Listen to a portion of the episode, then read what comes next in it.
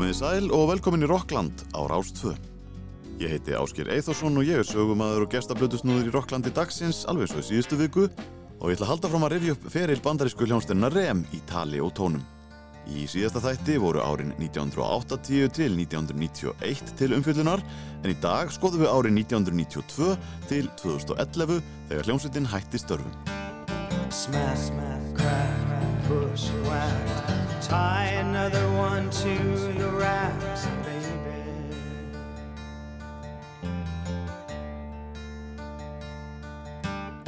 Hey, hey, kids, rock and roll. Nobody tells you where to go, baby.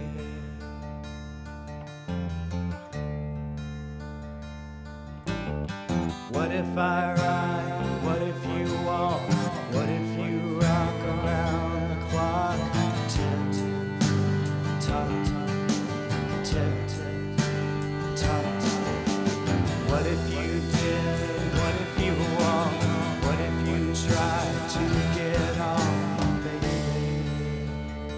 Fyrsta smáskífa áttundubreiðskífu REM með aðalæginu Drive fekk aðdándur sveitarina til að klóra sér vel og duglega í kolli í september 1992. Þar var á ferðinni frekar tormeltur Rólindisbragur sem talin álitlegt smáskífulag. En lægi kom þó til eftir ítalega hlustun og launaði þólimóðun hlustundum diggilega og sömursugum að segja að plötunni Automatic for the People sem fylgdi í kjölfarið 5. oktober. Night swimming deserves a quiet night.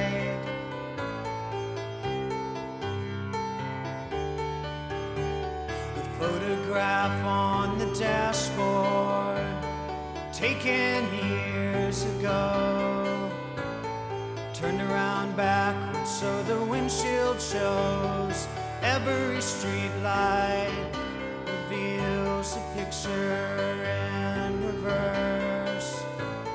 Still, it's so much clearer. I forgot my shirt water's edge. The moon is low tonight.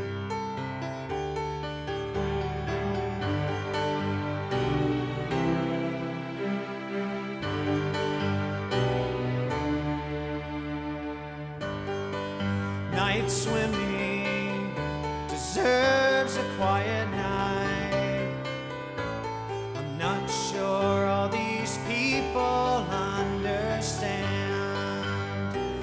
not like years ago. Fear of getting caught, of recklessness in water. They cannot see me naked. These things they go away, replaced by everyday night swimming, remembering that night. September's coming soon. I'm pining for the moon. And what if there were two side by side in orbit around the fairest sun? That bright, tight, forever drum cannot describe. Í fyrstu rann platan óskup átakalítið í gegn á þess að menn tækju eftir neinu merkilegu en þegar Grant var hlustað kom í ljós að hér ára ferðinni enn eitt meistaraverkið frá Buck, Mills, Berry og Stipe og platan hefur yfir sér ljúft yfirbragð, rennur mjög þægilegi gegn og einfaldleikin hellaði menn og konur viðsverum heiminn. Fjórmenningarnir stuttust aðalega við grunn hljóðfæri á borðu kassagítara, bassa og píanó auk þess sem strengja útsetningar John Paul Jones, fyrir bassaleikara Led Zeppelin, fylltu lögin töfrandi hljómi.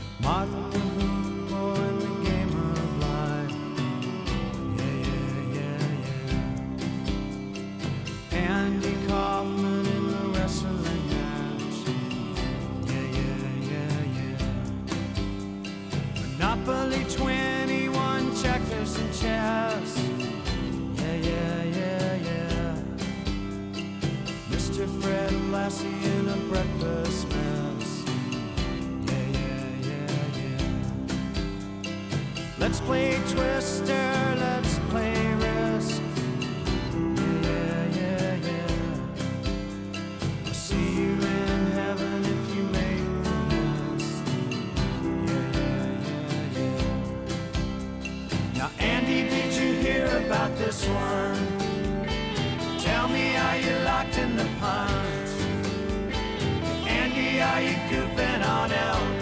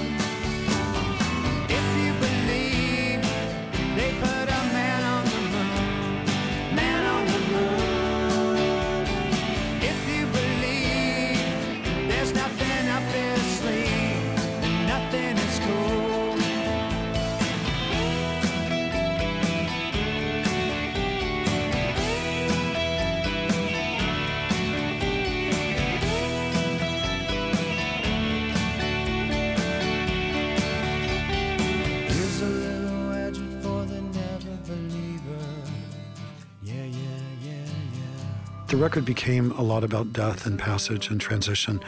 I mean, looking at where America was and where the world was in 1991 and 1992 when we were working on this, the whole world was in great transition. The Berlin Wall had just come down. The Soviet Union was basically dissolved. In America, we were at the end of the Reagan and Bush senior years, and I had watched intimately an entire community decimated by AIDS and the AIDS epidemic. I had grandparents who were at the end of their lives. And for us, you know, we were in our early 30s. We had made it through our 20s, which I never expected to have happen. I thought, you know, I thought that I was going to die before I made it to 30. And so here I was kind of looking at that from the other side. Um, that was reflected in the themes that dominated the making of Automatic for the People. But it's not just death and it's not all darkness. There's lightness and humor and levity in there, hopefully, and transition. A door closes, another one opens. Michael Stipe talaði um textana á plötunni Automatic for the People og þá staður enda að á þeim tíma sem platan kom út voru viðsjárverði tímar í heimsmálunum. Berlínamúrin í fallin, Sovjetríkina liðast í sundur og margt annað uppvænlegt að gerast í kringu þá. Þess vegna hefðu margir textarnir verið frekar dökkir og drungalegir. En Automatic for the People er uppfull af vönduðum lagasmíðum sem mynda sterka heild og gera gripin að meistaraverki og það kom fáum á óvart þegar árið 1992 var gert upp í tónlistarheiminum að Automatic for the People var allstaðar ofalega á blaði yfir plötur ásins og smáskjúlaugin Men on the Moon sem við heyrðum áðan og Sidewinder Sleeps Tonight nutu bæði mikill af vinsalda.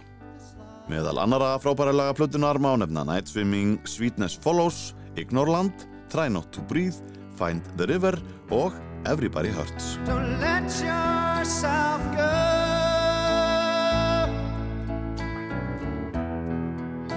Cause everybody cries.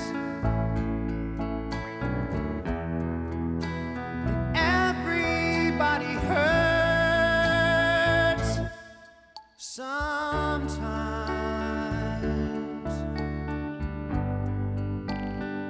Sometimes everything is wrong.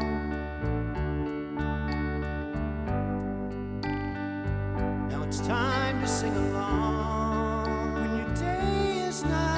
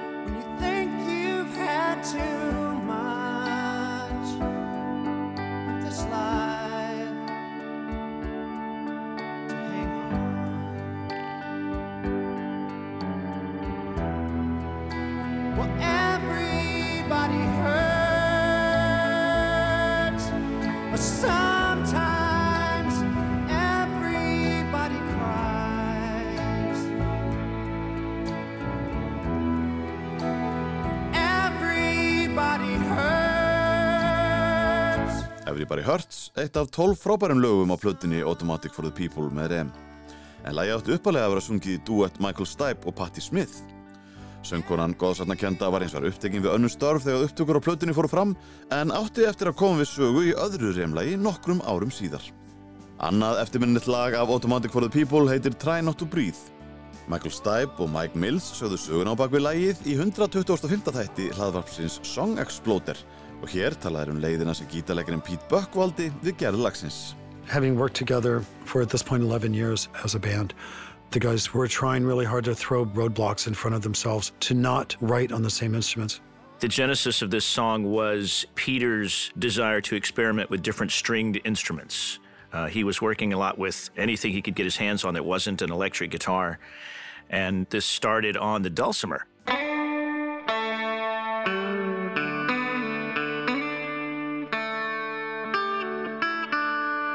The dulcimer was something Peter was really enjoying playing at that point, and we liked the gothic southern quality of that sound.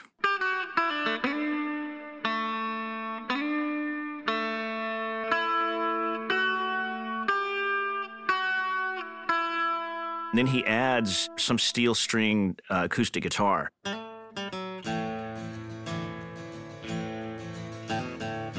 That's where you get that beautiful quasi Western sound.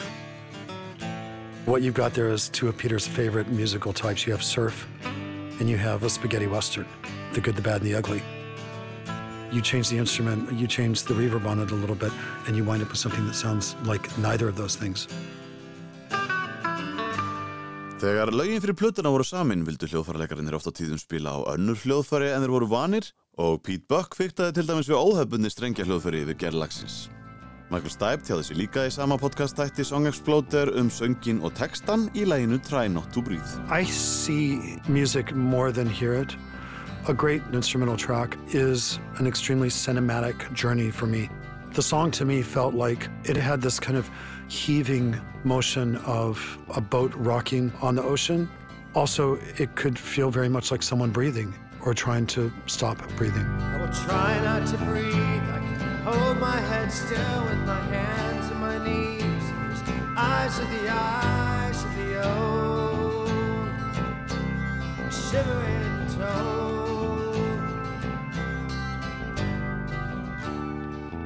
I can tell you what the song is about, and I've never really said it, but my grandmother was at the end of her life, my father's mother, Grandma Stipe, her name was Laura, and she was 87. She had lived a long life and not an easy one, but she was very, very, very dear to me. And one of the things that I inherited from her is this shivering thing that happens. This kind of shiver that normal people would get when they get cold or when they think of something really scary. She would get on a daily basis, and so did I. And I don't get them as much as I used to, but that was a big part of my growing up and acknowledging and recognizing that I had gotten that very directly from my grandmother. Baby, don't shiver now. Why do you shiver now? I need something to fly over my grave again. We're talking about a song about the end of someone's life, and they're suggesting to their family, I want to do this my way. I want to make it easier on you. It might be harder on me, or it might be easier on me. I don't know, but let's go for it. It's a very, very emotionally difficult moment, and I wanted the voice to portray that. So the way my voice cracks when I hit the word hold, absolutely intentional to leave that in. I will try not to breathe. I can hold my head still with my hands and my knees. The way the voice quivers at the end of the line, These eyes are the eyes of the old. I want to have an emotional experience. That's what I go to music for, and that's what I wanted to offer people. I will try not to breathe. This decision is mine. I have lived a full life, And these are the eyes that I want you to remember.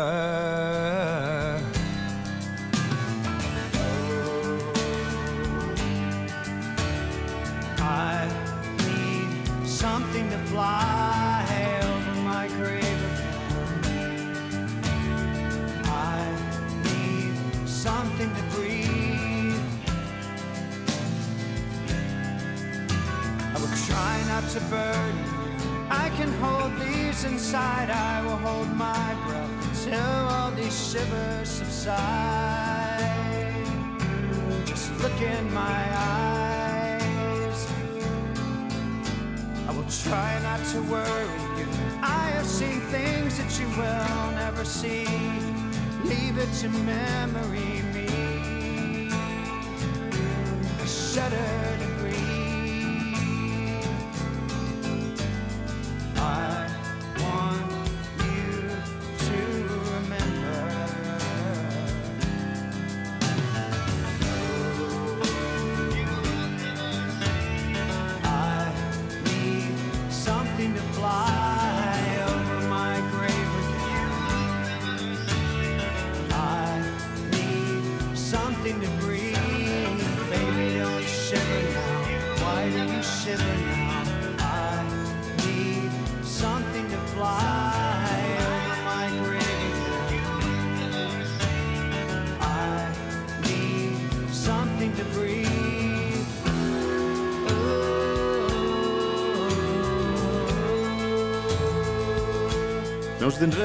Try Not To Breathe af áttundu plötu sveitarinnar Automatic for the People sem kom út árið 1992 og festi Rem í sessi sem eina stærstu hljómsveitum í heimi. Platan seldist í yfir 20 miljónum eintaka, fór víða á toppin og þar á meðal í Breitlandi þar sem sveitin gerir sér lítið fyrir og nældi sér í sjöfalda platinum plötu sem gerir hana eina af 50 mest seldu plötum allra tíma á Breitlandsegjum.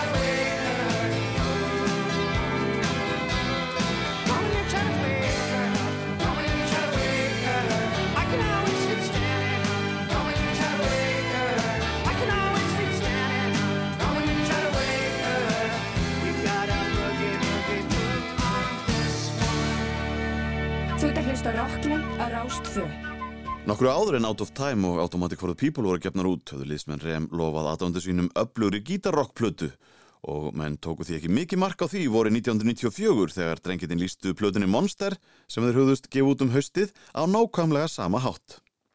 En haustið kom og skrimslið gekk laust í plötuveslunum og ég held að flesti geti verið sammála um að þar fari kröftu og drífandi rockskífa sem undistrykka rækilega að Rem var einhver allra merkilegasta rocksveit sem uppi hefur verið.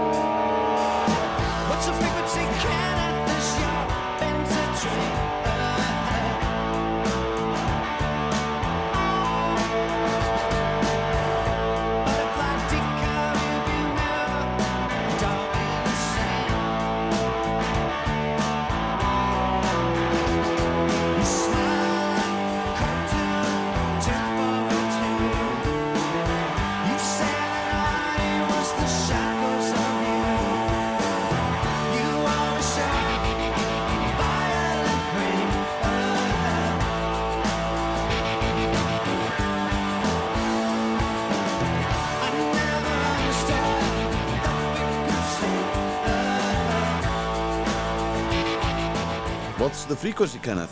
Hressilegu rockari af Monster, nýjundu plötu bandarísku hljónsturinn Rem sem kom til september 1994. Plata kom í kjölfart tveggja langvinnsarstu platna Rem og segja má að sumi textatinn á Monster hafi fjallað um leindarmál fræðarinnar. Michael Stipe og Mike Mills settust niður með New Musical Express árið 2019 í tilefni af 25 ára ammali plötunar. I mean, a lot had happened to us and in the world since our last tour, which was the Green World Tour of 1989. And culture had shifted, politics had shifted, things had changed dramatically. We were a part of that change, or perhaps inspired some of that change in music and in culture. And so, and then we put out these two records that were multi million dollar selling. we were at the peak of our fame, I guess. And we found ourselves um, in this position of being incredibly more famous than we've ever been before and uh, setting out to, to do the first tour in five years on two albums that were very popular but filled with slow or medium tempo songs. So we needed to do something really loud and raw. And we turned to our love of glam rock in the early 70s and the influence that it had on us as musicians and as fanboys. And that, that was the beginning of Monster. Platan Monster er tilenguð vini Michael Stipe, leikaranum River Phoenix sem lést árið áður og sýstir hans Rain Phoenix syngur bakrættir í læginu Bang and Blame.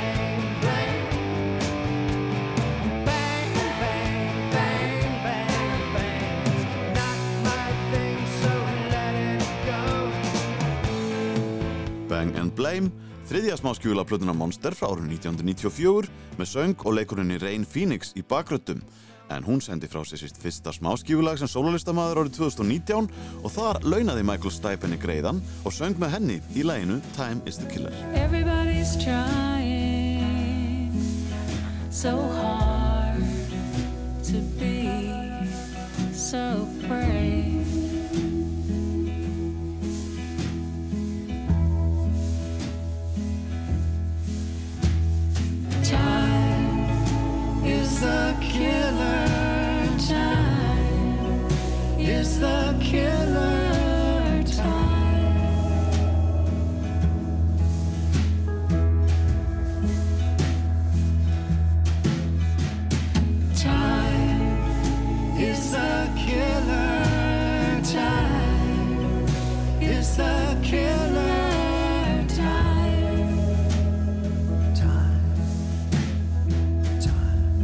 Janúar 1995 fór hljómsdyn Rem í sína fyrstu tónleikaferði í fimm ár, þar sem meðal uppbytunabanda voru hljómsdynnar Sonic Youth og Radiohead. Tónleikaferðin stoppaði reynda snögglega eftir hún var nýbyrjuð. Fyrst veiktist Michael Stipe, svo lendi Mike Mills í bráðri lífsættu og trómuleikarinn Bill Berry neig niður á miðjum tónleikum í Lausanne í Sviss 1. mars. Hann var lagður inn á sjúkrahús í skyndi og greindist með slagæðagúlp í heila, en slapp við heilablóðfall og jafnaði sig á undraskjótum tíma, þannig að tónleikaferðin helt áfram tveimum mánuðum síðar og þótti afar vel hefnuð þjá aðdámundum sveitarinnar og fjórmenningarnir voru ánæðið með túrin sem stóð yfir í tæft ár þráttur þessa röð áfalla fyrstu tvo mánuðina. Mike's was serious. He, he could have died. They caught his in time. Bill, you know, came very close to death more than once. And we downplayed the severity of his condition at the time, but it was brutal and, and it was Yeah. it was really hard to stop the tour completely and just wait to see would he make it and then was he going to be okay and then when did he want to start again or did he want to start again. There were fraught moments, but overall it was a very successful tour. Yeah, that's not that's not what I think about when I think about the tour. I mean, you know, when you come that close to losing a friend, yeah, so of- course it's a big deal. But you know, when I think of the tour, I don't think of oh my God, we survived it somehow. It's not like that at all. It was it was a lot of fun. And other than the law of averages catching up to us and three of us falling ill on the same tour, it was a huge success, and I enjoyed you know 95% of it.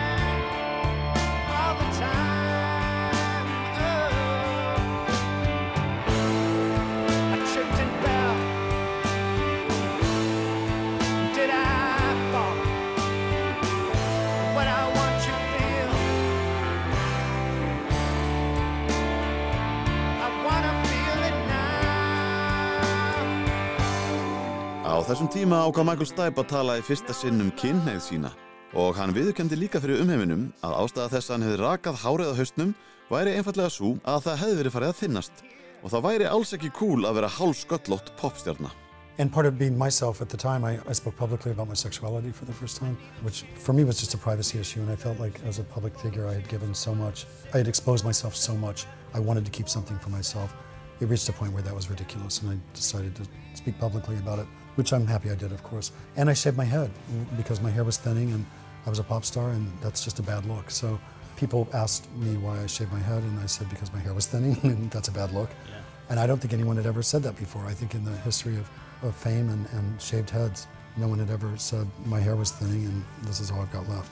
Í læginu Let Me In syngur Michael Stipe til vina síns Kurt Cobain úr Nirvana sem fjall fyrir ein hendi fjórum mánuðum áður en Monsterplatan kom út. Cobain var mikill aðdándi rem og ekkjan, Courtney Love, gaf hljómsveitinu uppáhalds gítaran hans sem er einmitt notaður í umrættu lægi Let Me In. Yeah,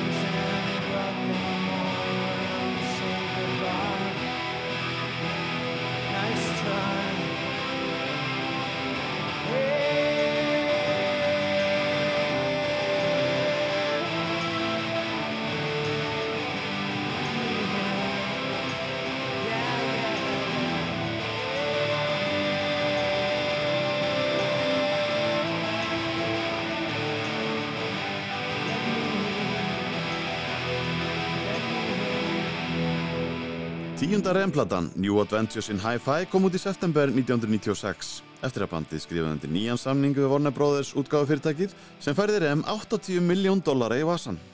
Þó platan hefði fengið góða dóma víðast hvar, seldist hún í færri eintökum en síðustu blötu rem og komst ekki á toppin á bandaríska breyðskjúlistanum sem þótti stórfrétt þegar rem var annars vegar. Enga síður náði platan toppsætin í Breitlandi, Þískalandi og fleiri löndum í útgáfuvikunni en eftir að toppsætin var náð fór hún hratt niður listana. Platan New Adventures in Hi-Fi var að mestuleiti samin á tónleikaferðinni sem fylgdi Monster. The thing about us is anytime we're around a guitar or piano or anything we, we're, we're playing, we're writing. You know, anytime you pick up a guitar, a song could come out, so that's writing. But especially on the road is something we've always done, get together at sound check and make noise or riding down the bus, riding down the highway on the bus, you, you play your guitar and we came up with all kind of stuff. Uh, 11 months, you better come up with some Mike Mills sagði okkur frá því að liðsmenn Rem voru sísemjandi þegar þeir voru með hljóðfæri nálægt sér og rútuferðirnar á milli tónleikastaða og hljóðpröðu fyrir tónleika voru sérstaklega gefandi fyrir þess skapandi listamenn. Sum lögin á New Adventures in Hi-Fi voru líka hljóðrituð on the road og textar Michael Stipe fjölluðu margir um ferðalög eða flutninga. Í næsta lagi sem við hlustum á syngur bandaríska tónlistakonan Patti Smith með Michael Stipe í laginu Ebo the Letter. All of you and all of me fluorescent stars. Some of them they surprise. The bus rider went to write this 4 a.m. This letter. The fields of poppies, little pearls. All the boys and all the girls, sweet tooth, each and every one a little scary. I said your name. I wore it like a badge of teenage film stars, hash bars, cherry mash, and tinfoil tiaras. Dreaming of Maria Callas, wherever she is. This fame thing, I don't get it. I wrap my hand in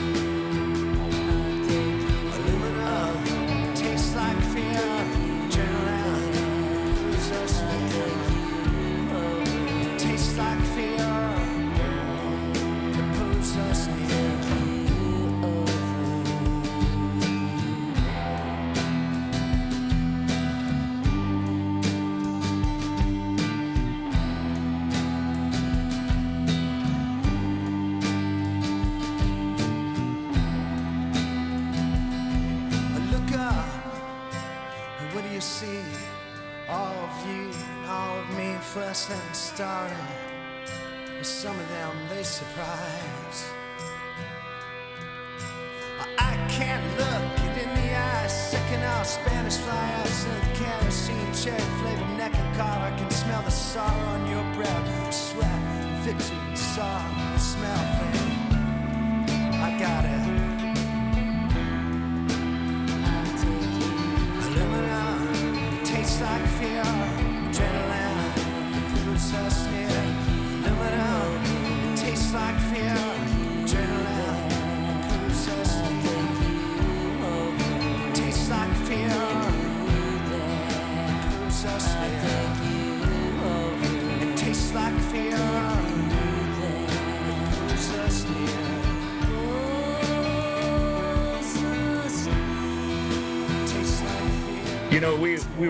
Lucky to uh, to be able to work with her. Uh, you know, she was certainly an icon of all of ours growing up. She's an amazing poet. She's an amazing singer. She's a great songwriter. She's just an artist all the way around, and with an amazing voice. And uh, we were big fans of hers, and we tried to get her to play on a record way back, even before this one, but she was unable to do so. And then when we asked her again, she said yes. Um, we were all thrilled about that. Uh, she brings her own unique qualities to that song you know, that's one of the few songs where the words came first. That was actually a letter that Michael had. I think he might have actually written it to Patti Smith, uh, as I recall. He had that letter that he wrote to Patti, and then when we wrote that music, uh, he said, "Well, this is perfect for that." So that's the rare occasion where the lyrics came first. Bassalegarinn Mike Mills talaði um samstarf Rem og Patti Smith í læginu í bóðu letter. Fyrsta smáskjúla í plötunar New Adventures in Hi-Fi sem náði fjórðasæti breska smáskjúlistans og það var besti ánungur Remlags í Breitlandi til þessa. Lægið komst hins vegar bara rétt inn á topp 50 í bandaríkjunum og það var slagasti árangur Rem í heimalandinu í áratug. Þrátt fyrir það voru margir af eldri aðdándur sveitarinnar hæst ánaði með breiðskífuna sem hefur að geima gullmóla á borð við næsta tóndæmi sem við hlýðum á Electrolyte. Your eyes are burning holes through me. I'm gasoline.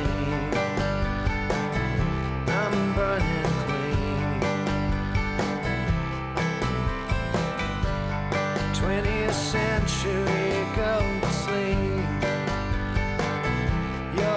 to sleep. That is obscene that is obscene. You are a star tonight, electric out of sight.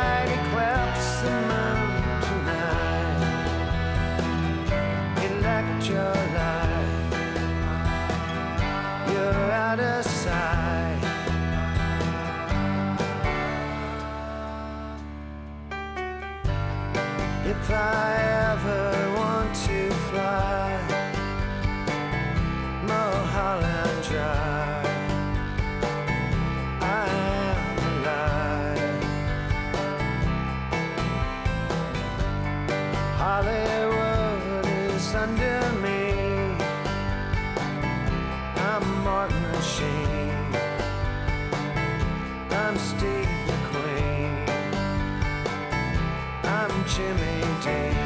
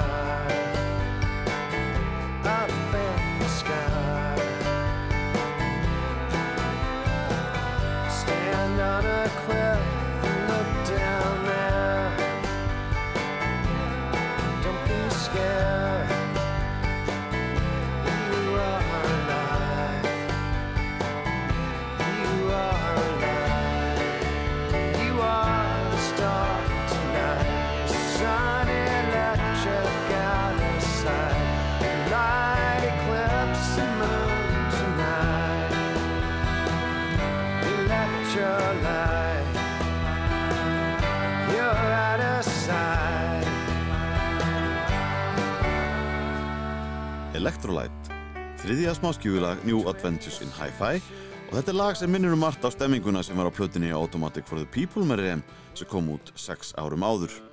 Lagi var samið á Monster tónleikaferðinni eins og flest lögplötunar New Adventures in Hi-Fi og sömu sögu er að segja af laginu Bittersweet Me. I move across, innocence lost. All flesh and pulsar. I move across the earth in my new pattern shirt. I pass satellite. You're so bitter, you'll complain. I can't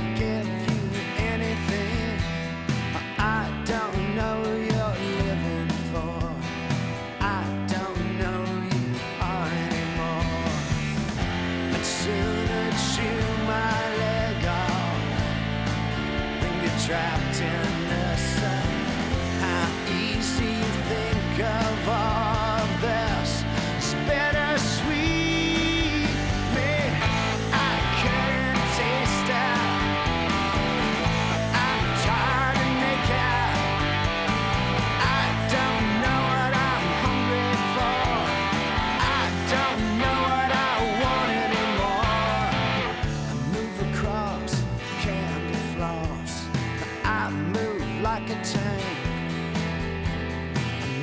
Across a room, a heart full of glue. I'm stronger than you think. Oh, my peer, your veneers wearing thin and cracking.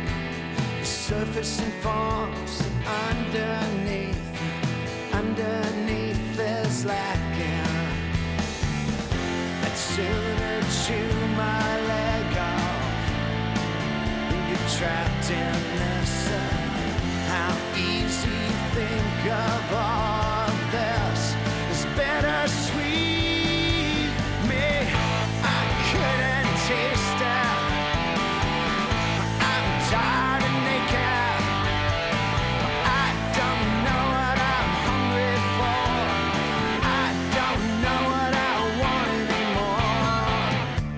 anymore. Uppáhaldslag gítarleikarans Pete Buck á New Adventures in Hi-Fi er uppáhaldslag plötunar og fjórða og síðasta smáskjúlagið Spaghetti vestra ballaðan How the West Was Won and Where It Got Us. En í því spila Buck á gítar, bassa, mandolín og grískan bouzouki gítar.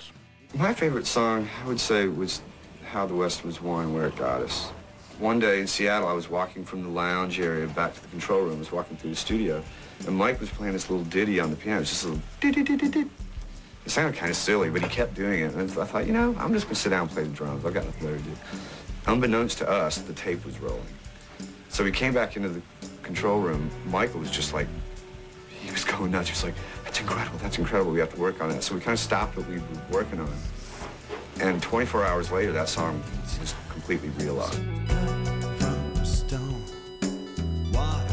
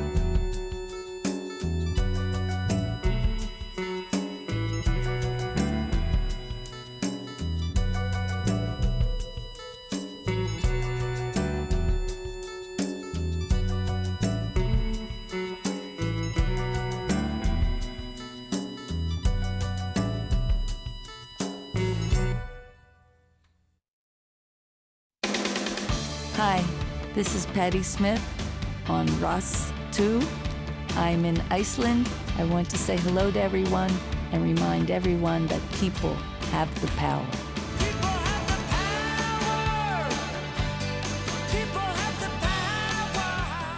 Komið þið sæl aftur, Rockland heldur áfram í tæpan klukkutíma til viðbútar hér á Rást 2. Ég heiti Áskir Eithosson og við klárum að fara yfir feril bandarísku hljónstærna REM hér í setni hluta þáttarins.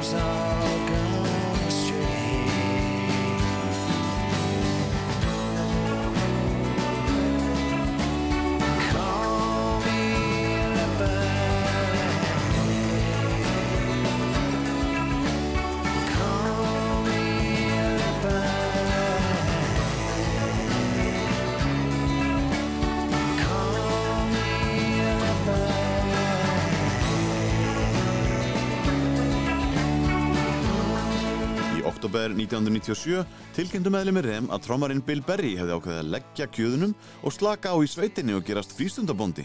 En hann hafði aldrei náða að jafna sig almennilega eftir veikindin sem kom upp á tónleikaferðinni tveimur árum áður.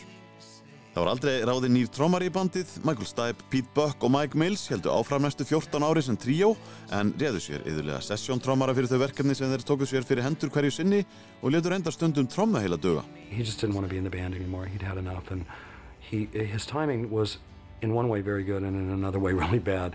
He he told us on the first day of recording uh, the album Up that he didn't want to do it. He didn't want to go in the studio. He didn't want to tour ever again. He'd had it with being in a, in a band. He wanted to retire and, and, and be a farmer. And um, I felt somewhat betrayed, but I I also, I was shocked, but I was also, um, it really called into question what am I doing if one of us, because it was always all for one and one for all, if one of us has decided that this is enough, what am I doing still doing this, or do I even still want to do this, or wh- who are we without him?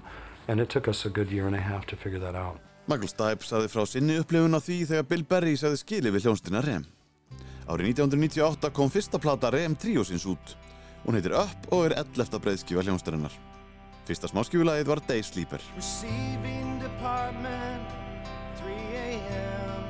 Staff cuts have socked up the overage. Directives are posted, no callbacks, complaints. Everywhere is calm.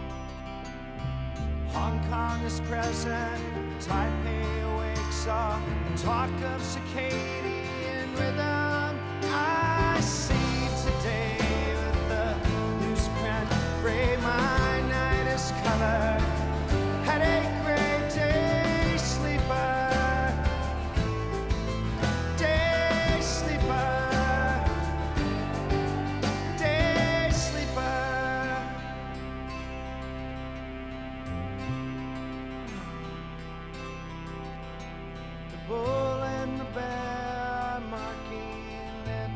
territories. They're leading the blind with their international glories. I'm the screen, the blinding light. I'm the screen.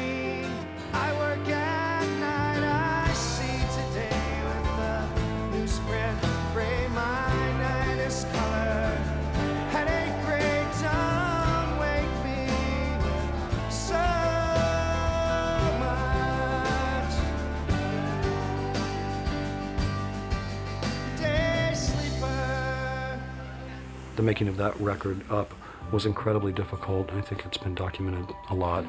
The band, in my mind, broke up for the better part of a month uh, at, at one point where we hadn't spoken to each other and really spoken to each other in a long time. And then it came back together, and, and it came back together through an appreciation of each other and a, and, and, and a love of music, which is where we started. So in a way, you know, this is a little whatever cheesy sounding, but it was a little bit of a rebirth. It was like we were right back where we started in the very beginning. It was the one thing that we all wanted to do that, that kept us together. Michael Stipe sagði frá erfileikunum sem gekk í gegnum í kjölfar brott hvarf trómuleikarans Bill Berry. Hljónstin hætti næstum störfum á tímabili en sættir náðust á lokum og segja má að hljónstin hafi endurfæðist og þremenningarnir sem eftir voru kláruðu 11. plötur hljónstarinnar Up. Það eru sumir á þeirri skoðun að Rem hafi aldrei náð sér almennlega á strik sem tríó en að mínum átti átti bandið fjölmarga fínaspretti á árunum 1998 til 2011 og hér er gott dæmi um það í hennu guttfallega lagi At My Most Beautiful þriðju smáskjúinu af plötinu Up sem náði hæst í tíundasæti breska listans.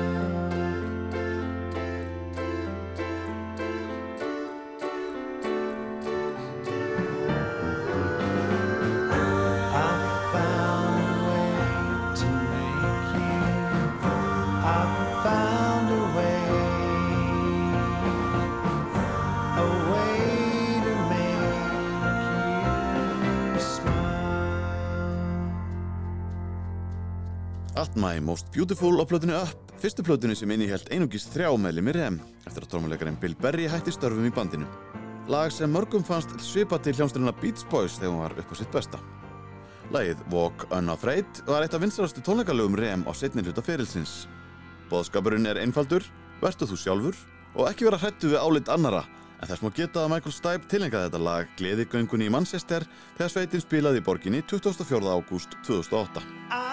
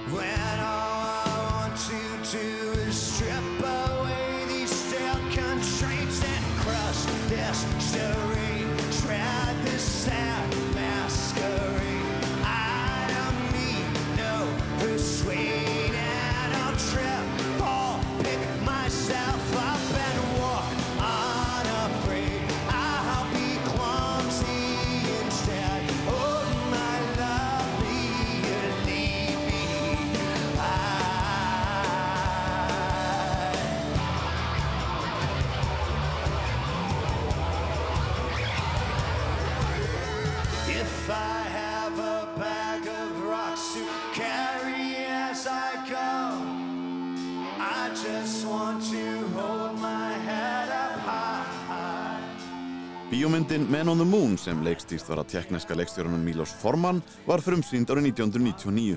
Jim Carrey leikur það bandaríska grínistan Andy Kaufman en nafn myndarinnar er tekið úr samnöndu lagi Rem, Man on the Moon sem var einmitt tilenga Kaufman. Andy Kaufman in the wrestling match. Yeah, yeah, yeah.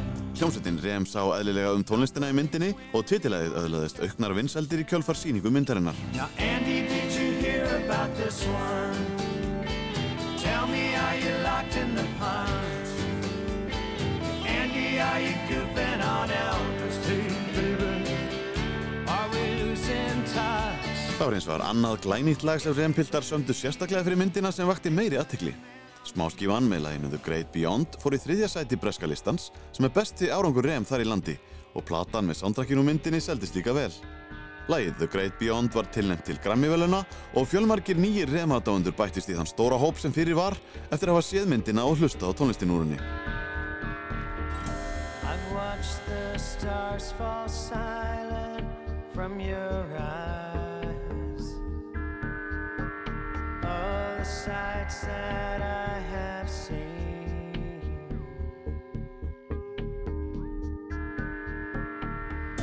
I can't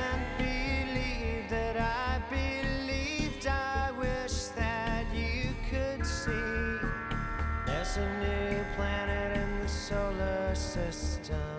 There is nothing up my sleeve. I'm pushing an elephant up the stairs. I'm tossing up punchlines that were never there. Over my shoulder, a piano falls, crashing to the ground. In all this talk of time, talk is fine. But I don't want to stay around.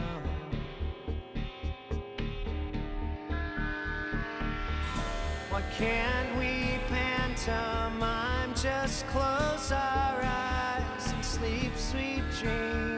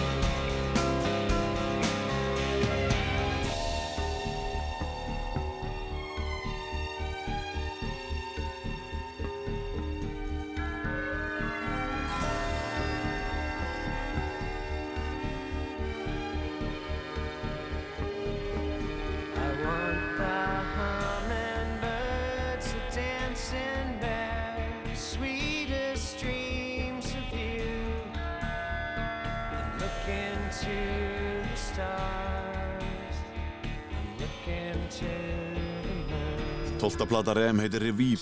Hún kom út árið 2001 og var að stærstum hluta tekinu upp í Dublin á Írlandi. Every time we make a record we try to go to different cities to record it and we'd never made a record in Ireland. We went to Ireland because I think primarily just because it's such a beautiful place and, and we all enjoy being there so much. We're in a nice house. Everyone's getting along well. We, we really felt strongly that the record at that point was, you know, we had an album there. There wasn't any doubts like we've had in the past where, is this the record we should be making? We just felt, gosh, can't wait for people to hear this. Fyrsta smáskjúlaplötunar var Imitation of Life en lagið heitir í höfuð á samnefndri bíómynd sem var frumsýnd árið 1959 og er byggð á samnefndri bók eftir bandariska skáltsagnahöfundin Fanny Hurst frá árinu 1933.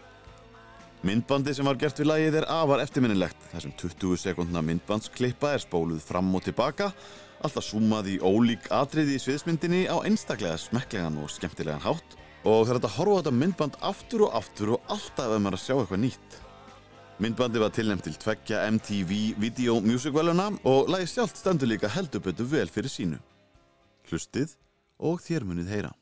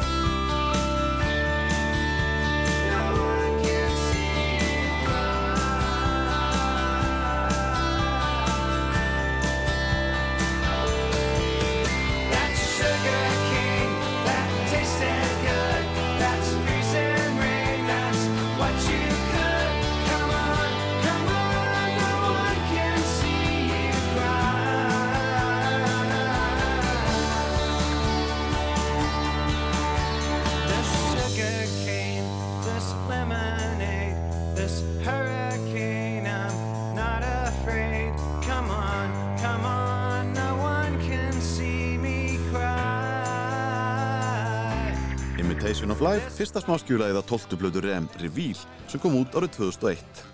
Lægi fór á topp 10 í fjölmörgum löndum og náði hæst í sjötta sæti breskalistans. Lægi var líka tilnæmti Grammy-veluna árið 2002 en tapaði fyrir lægi ísku hljómsdænan U2 Stuck in a Moment You Can't Get Out of. Annað smáskjúlað plötunar heitir All the Way to Reno. You're gonna be a star.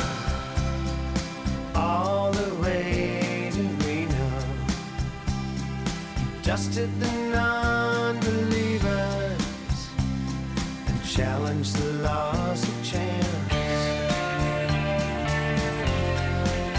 Now, sweet, you're so sugar sweet. You may as well have had kicked me fastened on your sleeve.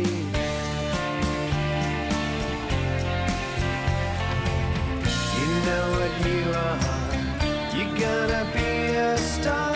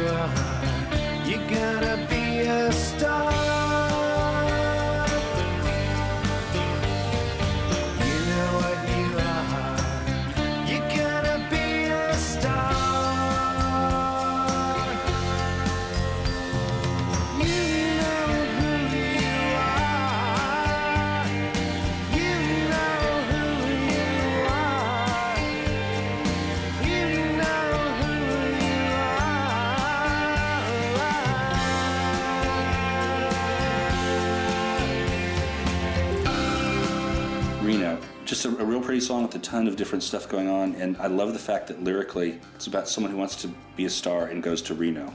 That's just my definition of a loser. I mean, I love Reno. I think Reno's nicer than Las Vegas, but you don't go to Reno to be famous. So there's just that little added edge of irony in there. It's this beautiful, sort of languid, uh, sad song. But as with so many of Michael's lyrics, you know, you, you can always you can see it as a hopeful song or as a very sad song. And I see it as, as kind of sad. Pete Buck og Mike Mills tjáðu sig hérna um lægið All the Way to Reno á plötunni Reveal. Þú ert að hlusta á Rockland á Rást 2.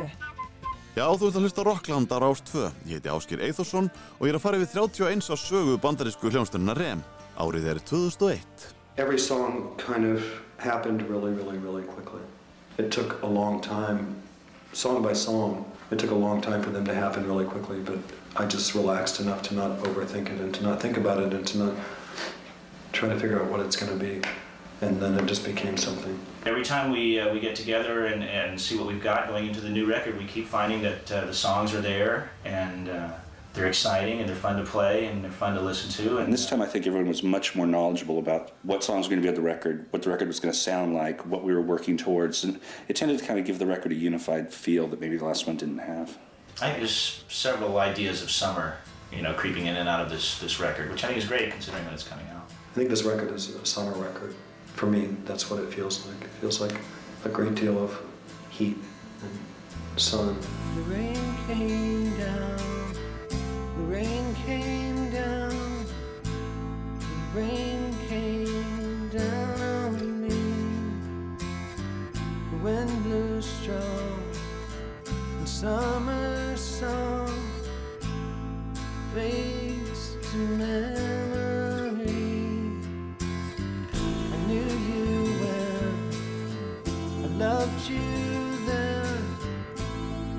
sun.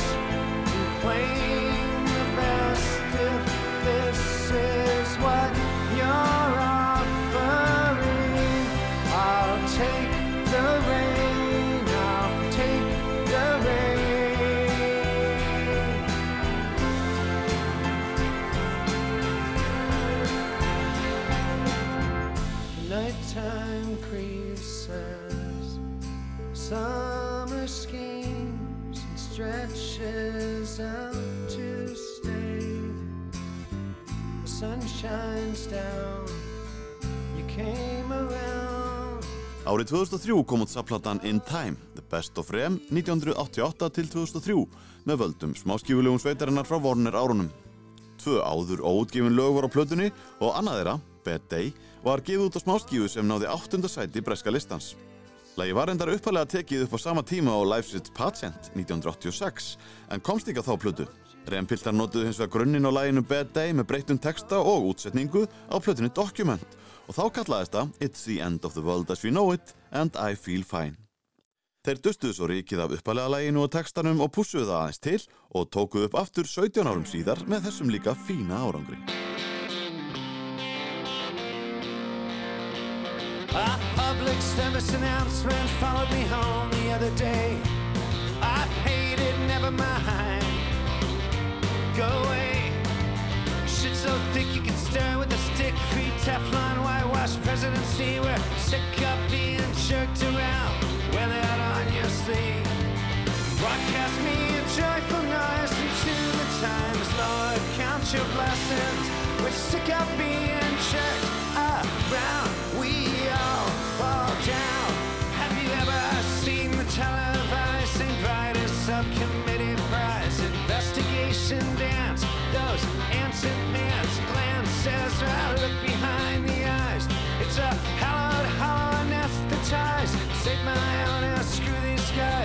can't be. out.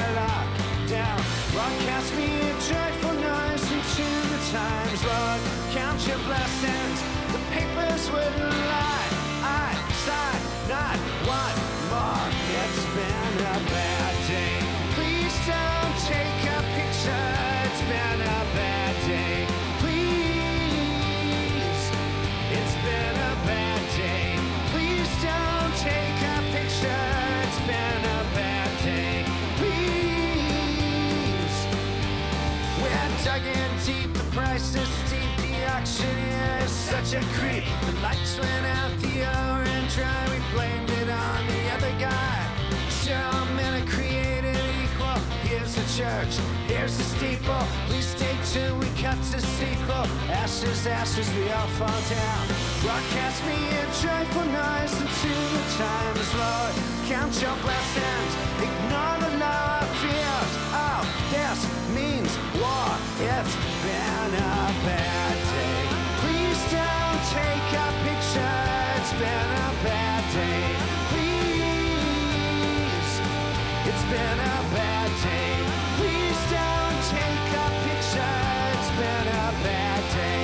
Please. 13. remplatan heitir Around the Sun. Hún kom út árið 2004 og það eru flesti sammálum að það sé slakasta plata rem þar með taldir liðsmenn sveitarinnar. Margir held að bandi var um það vilja fara að gefa upp öndina eftir útgáfu plötunar en það var öðru nær.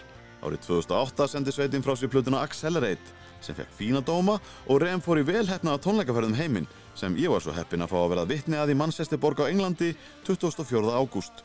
Og þar söng nánast hver einasti tónleikagestu með í öllum 27 lögum tónleikana frá upphafi til enda. Og þar á meðal var þetta lag. Everybody here comes from somewhere just as soon forget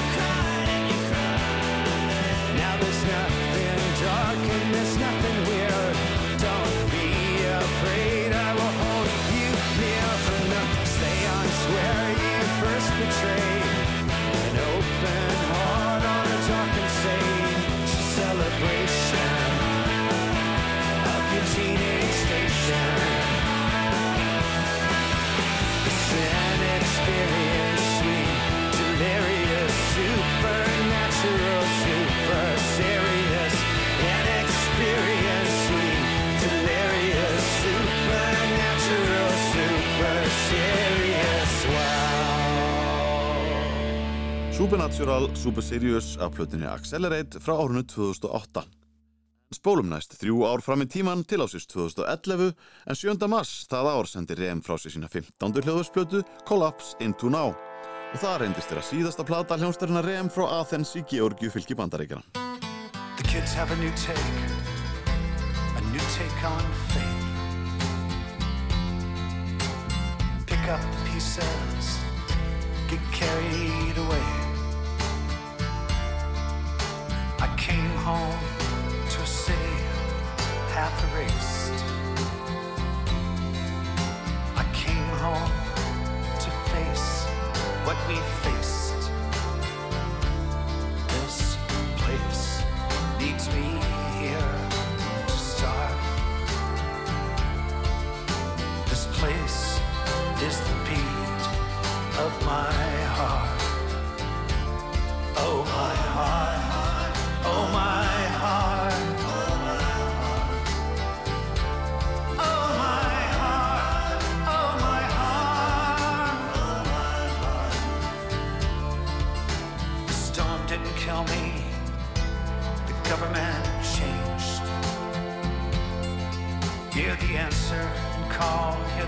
song rearranged. Hear the trees, the ghosts, and the buildings sing. With the wisdom to reconcile this thing. It's sweet and it's sad and it's true how it doesn't look bitter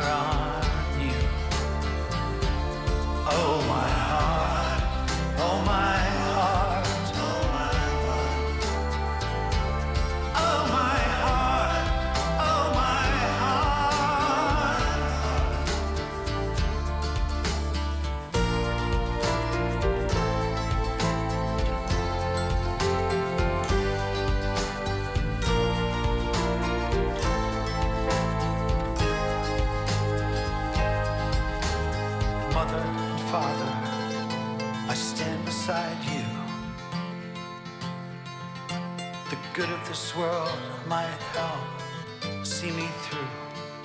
Hljómsveitin Rem og lagið Oh My Heart af síðustu hljóðusplötusveitarinnar þeirri 15. í röðinni Collapse Into Now.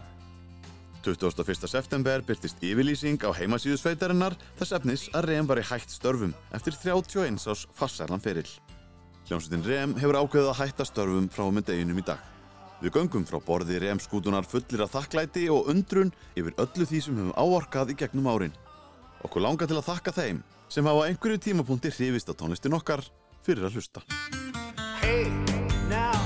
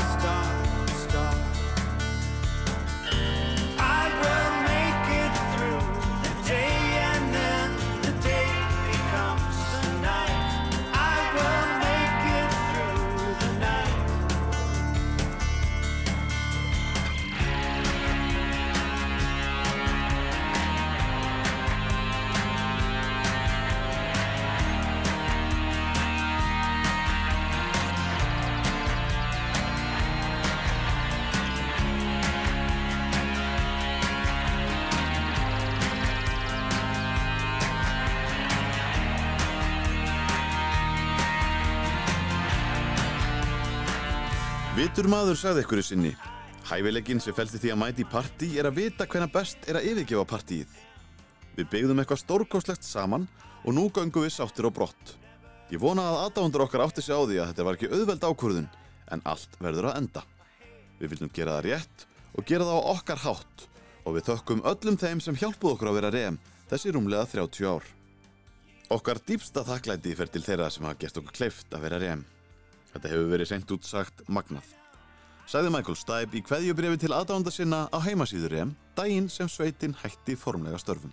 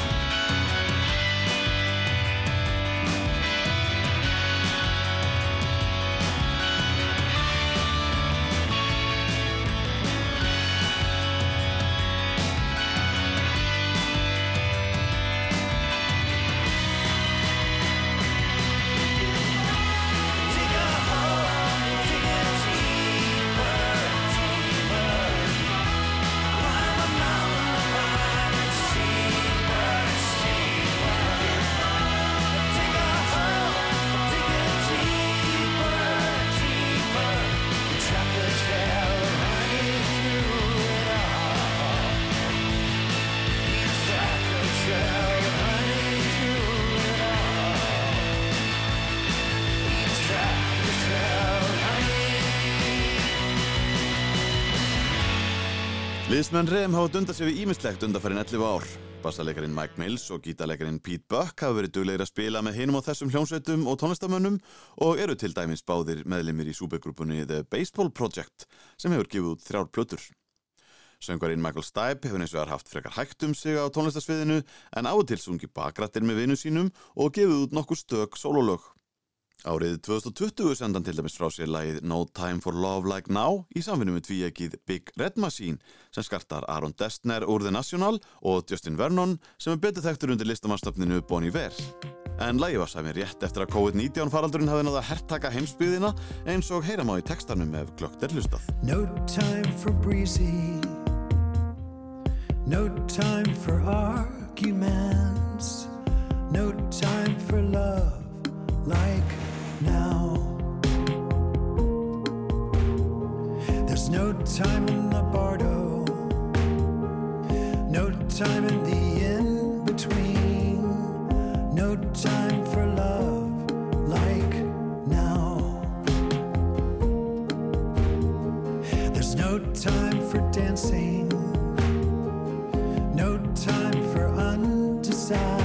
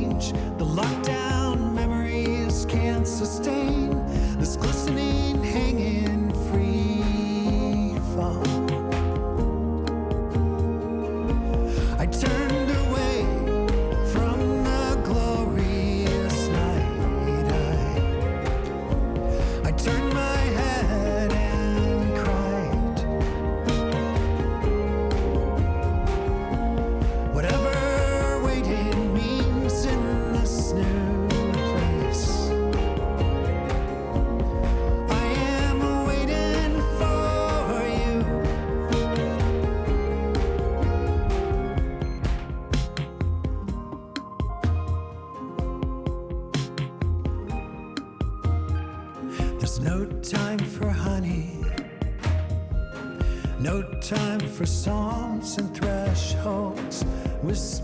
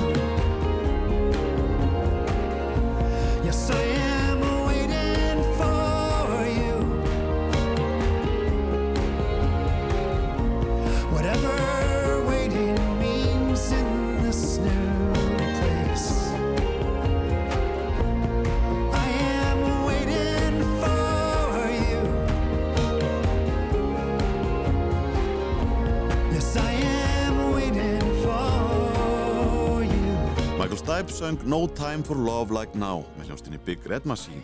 En eftir frekar tíðindalítil 11 ári í tónlistabransanum er það helst að frétta af Stipe að hann er að vinna að sinni fyrstu soloplötu um þessa mundir og hún verður líklega útgefin síðar á árinu. Fyrsta smáskjúla plötunar var gefið út á alþjóðlegum degi jarðarinnar, Earth Day, 22. apríl síðastliðin, til styrtar baráttunum við loftslagsbreytingarnir í heiminum. Lægið heitir Future If Future og var endar fyrsta lægið sem Michael Stipe sendi frá sér sem sololistamæður árið 2018 en hér er ný og endurbætt útgáfa sem verður að finna á hans fyrstu soloplötu. Future, future, this future is ours.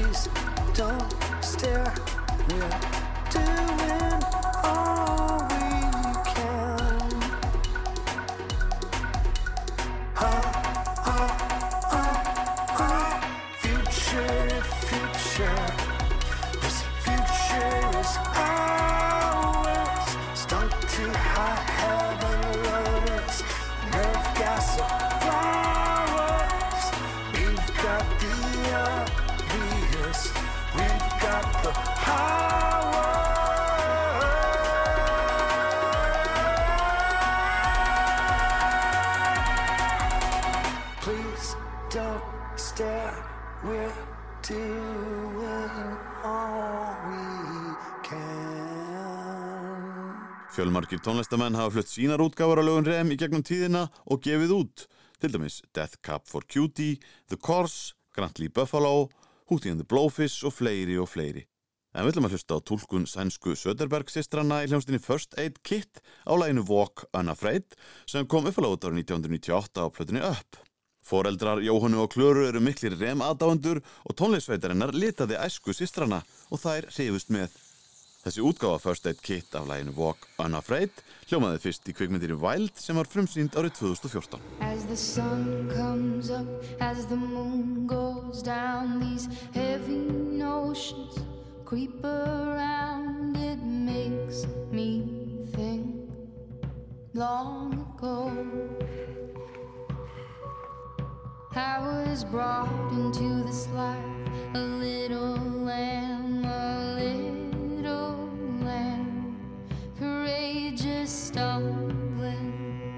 Fearless was my middle name, but somewhere